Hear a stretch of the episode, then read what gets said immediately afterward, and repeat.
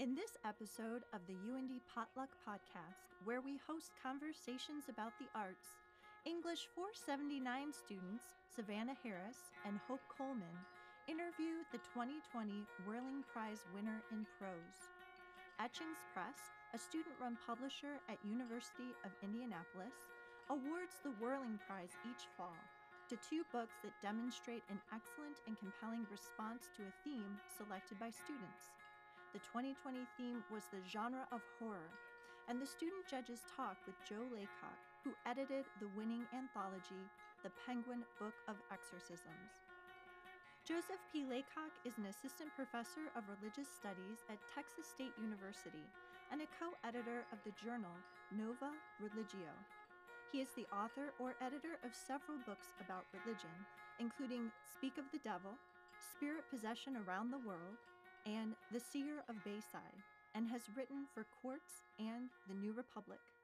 We hope you enjoy this episode of UIndy's Potluck Podcast. Hi, my name is Savannah Harris.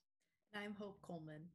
We are talking with Joe Laycock, who edited the anthology The Penguin Book of Exorcisms, which engages readers with haunting accounts of real life exorcisms through the centuries and around the world, from ancient G- Egypt and the biblical Middle East to colonial America and 20th century South Africa. Welcome. We are excited to have this opportunity to talk with you about your anthology. Well, thanks so much for having me. We'll go ahead and get started with our first question. Uh, what inspired you to create this anthology, and what kind of research did you do to prepare?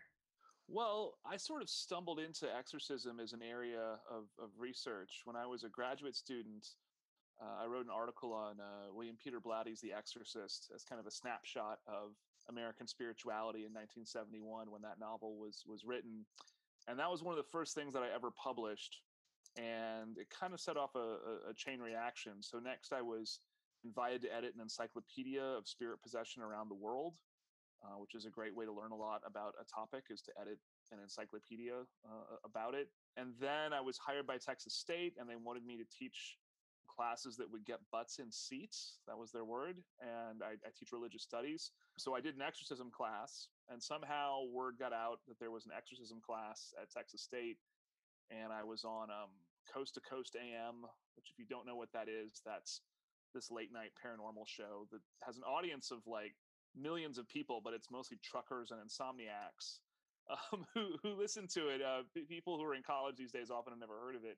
And eventually, I was approached by uh, Penguin um, because they have this this series. Uh, Penguin Classics is a series of you know the Penguin Book of the Undead, the Penguin Book of Hell, the Penguin Book of Witches, and all these kind of macabre books to sort of introduce people to classic literature uh, did really well. So they asked me if I could do the Penguin Book of Exorcisms. Uh, and so I'd already kind of looked at a lot of primary sources. So that was kind of so it was, it was a fun uh, project to take on and, and and to do. It gave me an excuse to track down a lot of archival resources. So I hit up a lot of uh, libraries around the world and things like this to to dig up kind of stories that that people knew and the stories that you could find on Wikipedia. But if you try to get to the actual primary sources of this, they were always hidden or hard to find. Um, so so a lot of it was just tracking down those sources, and in some cases, getting getting people to sign the rights so that I could publish them. So I actually had to track down a lot of the descendants of famous exorcists right?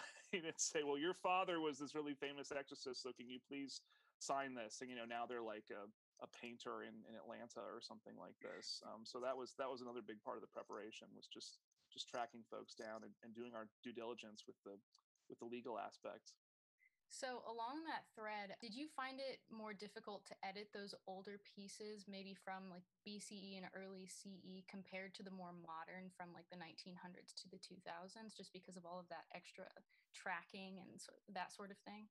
It's interesting, is actually kind of more the, the opposites because most of the ancient sources uh, people have known about for a relatively long time.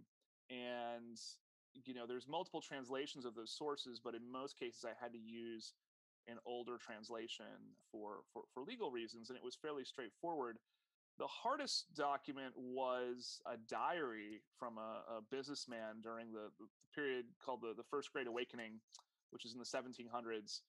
And he was uh, he went to Boston to do some business, and he met a woman there who was possessed, and wrote about this in his diary. And historians have known that this diary exists, but it just it's just sitting in a vault in the University of, of, of Connecticut. And I reached out to the archivist, and she said, "You know, we really ought to scan that diary. We've never done that." And so they sent me these scans, and this person had beautiful penmanship, but it's very very hard to read. And even if you can read it, of course, spelling really hadn't been invented yet in the 1700s, and the way that people talked, especially in a document like a diary, was was totally different. So there are parts of that that even though we can look at it, we can't figure out what it says. so I I did my best with that, and I sent it out to probably four or five other people, especially people who are specialized in literature from that period. And we sort of did the best that we could. But if you read that entry, there are brackets that just say indecipherable and you know there were also things like things have been crossed out or there were holes in the in, the diary. So that was probably the the hardest. Another one that was really hard was a uh, court case from sudan when it was colonized by the british at the beginning of the 20th century. And there were a lot of terms there that the british colonial government would have known what they meant but they're just so localized to the culture. Uh, so there was a word that I thought it was describing a, a type of uh, a whip, a type of whip with a metal tip on the end that this exorcist was was beating this poor uh, girl with, but it wasn't translated. So to go and figure out what that word actually means, um, that that took a lot of effort. Similarly, how difficult was it? I suppose on more of an emotional level, uh, compiling these accounts that, as you mentioned in parts of your foreword, sometimes resulted in trauma or death. Yeah, I mean, I've been working in this area for a long time. One of the things that I learned when I first started doing this work with the the Encyclopedia of Spirit Possession around the world is people get uh, horribly killed in exorcisms all the time. I mean, all the time. You know, I have a I have a Google News alert for the word exorcism, and I think every morning I get uh, headlines of you know someone in some part of the world killed a child or killed their girlfriend or something like that and said well i was trying to do um, an exorcism. And it is you know it's, it's it's it's troubling. And again this case from sudan i think was the most disturbing uh, because the exorcist did kill the person that they were trying to exorcise and did this in basically in public basically had a woman tied to a, a tree. And this judge is trying to understand he's asking the witnesses how could you see a woman tied to a tree being beaten and he didn't do anything. And the witnesses said, because he was an exorcist. You know, mm. we didn't want to screw up his exorcism, right? He said that he knew what he was doing. And I think that's kind of, you know, how much evil has been done um, out of that kind of deference to authority throughout uh, human history. The other part of this is that, you know, as a religion scholar, is I want to try to have a balance between letting people tell their story as they experienced it and being skeptical uh, about it. So, one of the first reviews that came out uh, of the book was talking about an exorcism that happened actually in uh, in Indiana, um, the so-called 200 Demons House exorcism. And I reached out to the priest who did that exorcism and said, you know, your your letter to your bishop, because Catholic priests are supposed to always have the permission of a bishop doing exorcism, is on the internet. Can we eh, can we print it right? And i expected him to say no but he, he he agreed. And so people who read the book skeptically said you know how come basically you didn't make fun of this priest? Right? So you know like i don't think that this house is is has demons and no previous occupants had any experiences and the subsequent occupants had any experiences. Why aren't you just stating explicitly that you don't believe this this priest? And you know on the one hand that's not my job it's not a science book right? It's i'm not sort of setting out to prove or disprove uh, things that i think are beyond proving. I don't think that spirit beings are uh, you know can can be uh, uh, analyzed in, in that fashion. But also you know this is a living person who had this very intense uh, experience and i feel some obligation to respect that. It's, it's it's not the same as sort of worrying about someone getting physically hurt but i think about that a lot as someone who studies contemporary uh, uh, religions, right? How do I be not totally credulous about these stories, but also still respect the person who who lived through them? Yeah, absolutely. And so, more about, I guess, separating your own emotional feelings with your personal beliefs or opinions. Did you have any personal struggle with that as you were documenting these, you know, tragic events that that happened, and or did you hope that maybe this would raise that sort of awareness towards the way that a lot of these exorcisms have often maybe gone wrong? Yeah, I mean, we, are seeing a resurgence of of exorcism right now. I don't think people realize that. I think whenever I talk to reporters and things like this, they always assume this is something that happened in, in the dark ages and doesn't happen anymore.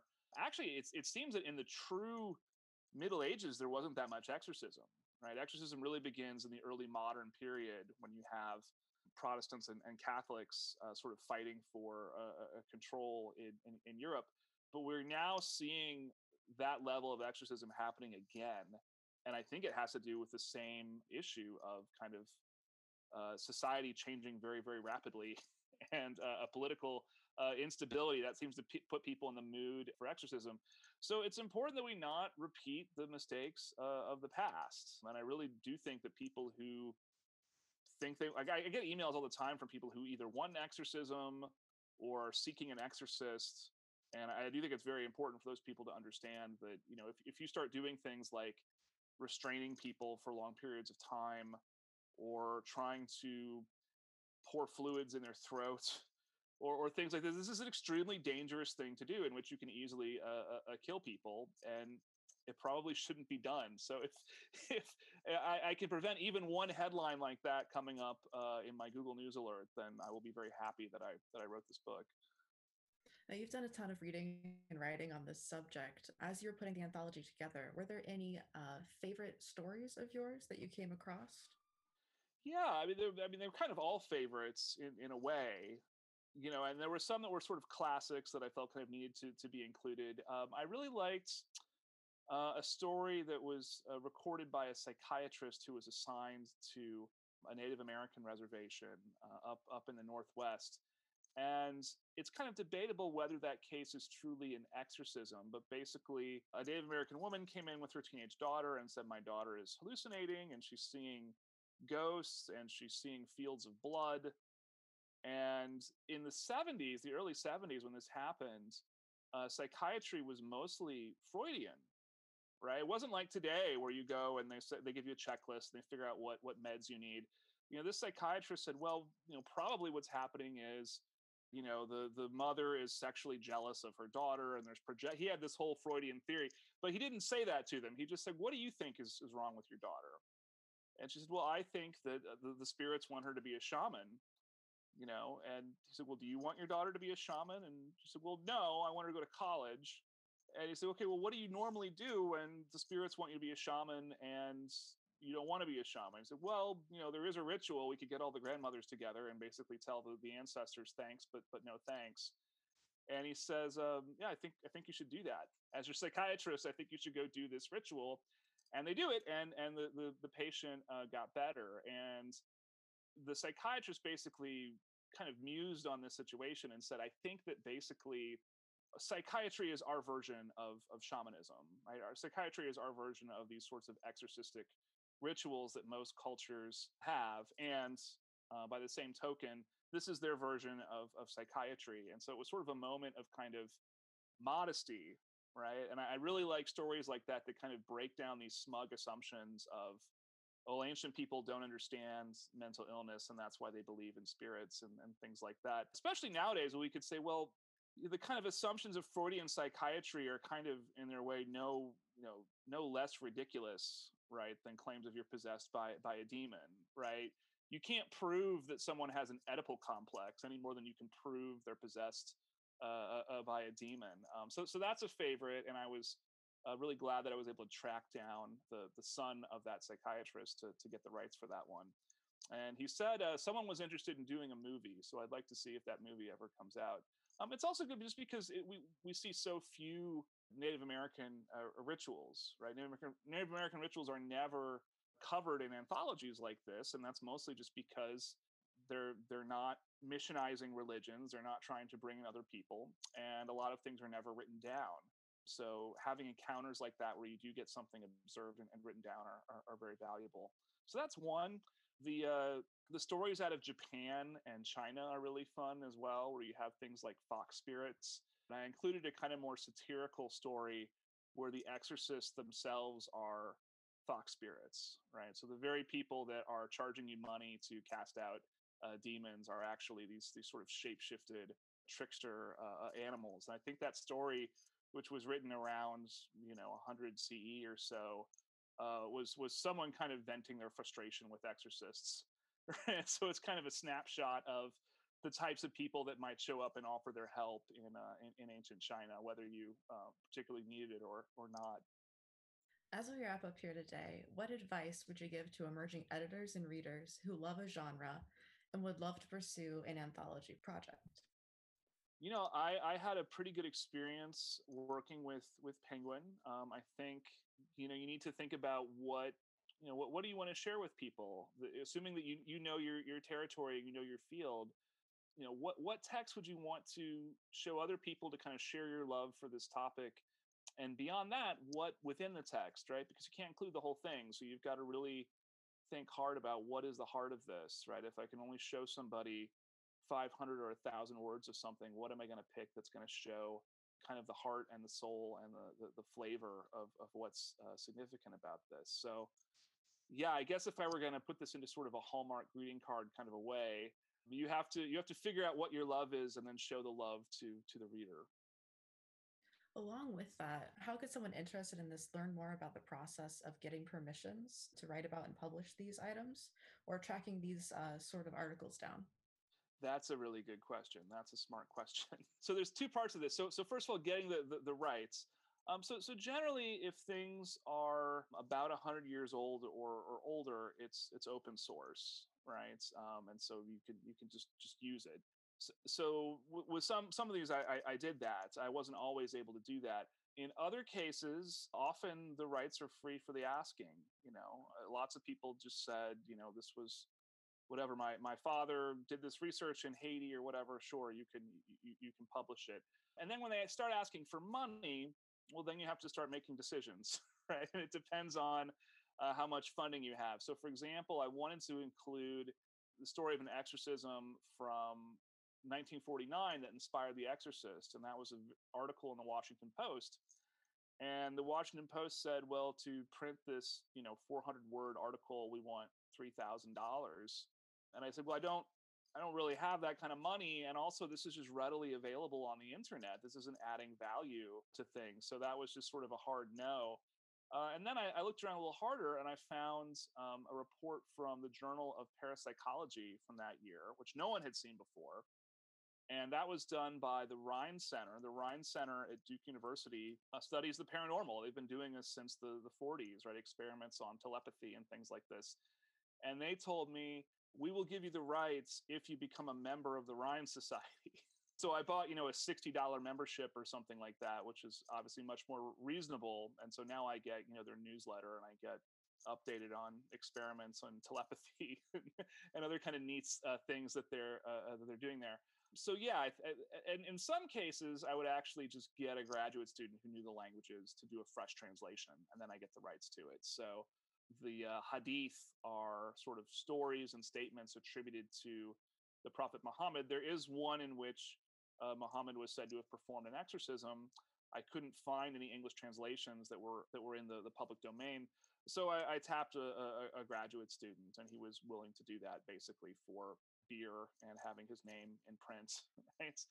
As far as tracking stuff down, you know, you, you have to just be uh, persistent and use the, the bibliographies.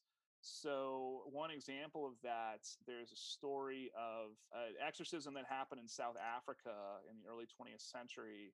And the woman's name was uh, Tella Germana, or sometimes it's Cella Germana. And the story is everywhere. It shows up in all these, you know, BuzzFeed, you know, top 20 scariest exorcisms, something like that.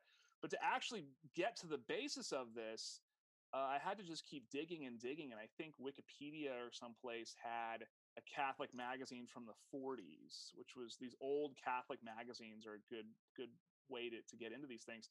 And so I tracked that magazine down And then that magazine said, well, this was reprinted from this missionary pamphlet. And so then I tracked that down. I finally found it. And then, it, you know, Princeton or someplace had it, you know, deep in their archives and they were able to scan it and, and send it to me, which I actually was able to find a, a photograph of uh, Coeli Germana. I, no one had seen anything like that really in a long time. And then I had to reach out to the missionaries and the missionaries basically said, oh yeah i seem to remember hearing we did an exorcism 100 years ago or something you know neat that you found that right and, and sort of they, they, they gave me permission there's a wonderful website called worldcat and worldcat you can type in the name of a of an article or or a book and it will find libraries that that have it.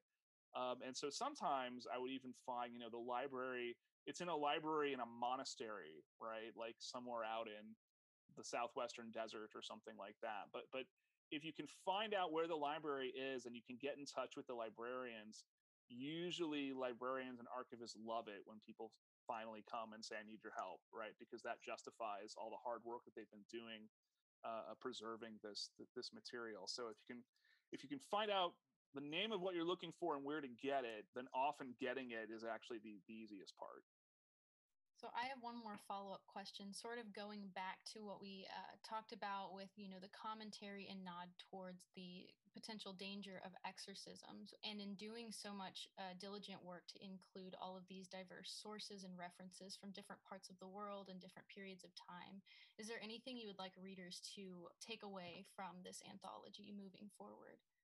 I, I think the biggest thing that I, I try to get my students to understand, especially when I teach a class on on exorcism, is to overcome the uh, smugness, right? That sort of ancient people were were idiots and didn't understand, you know, anything, right? Thought their own shadow was a, a, a spirit possession. So one of the sources that I included was actually a medical text from ancient Greece attributed to the physician Hippocrates, um, it may not have actually been Hippocrates who, who wrote this, but basically saying, you know, your brain is a very important organ, and if damage happens to your brain, it can result in weird behavior. And I think that's what we're, we're seeing here. And that was in, you know, 600 BC or something.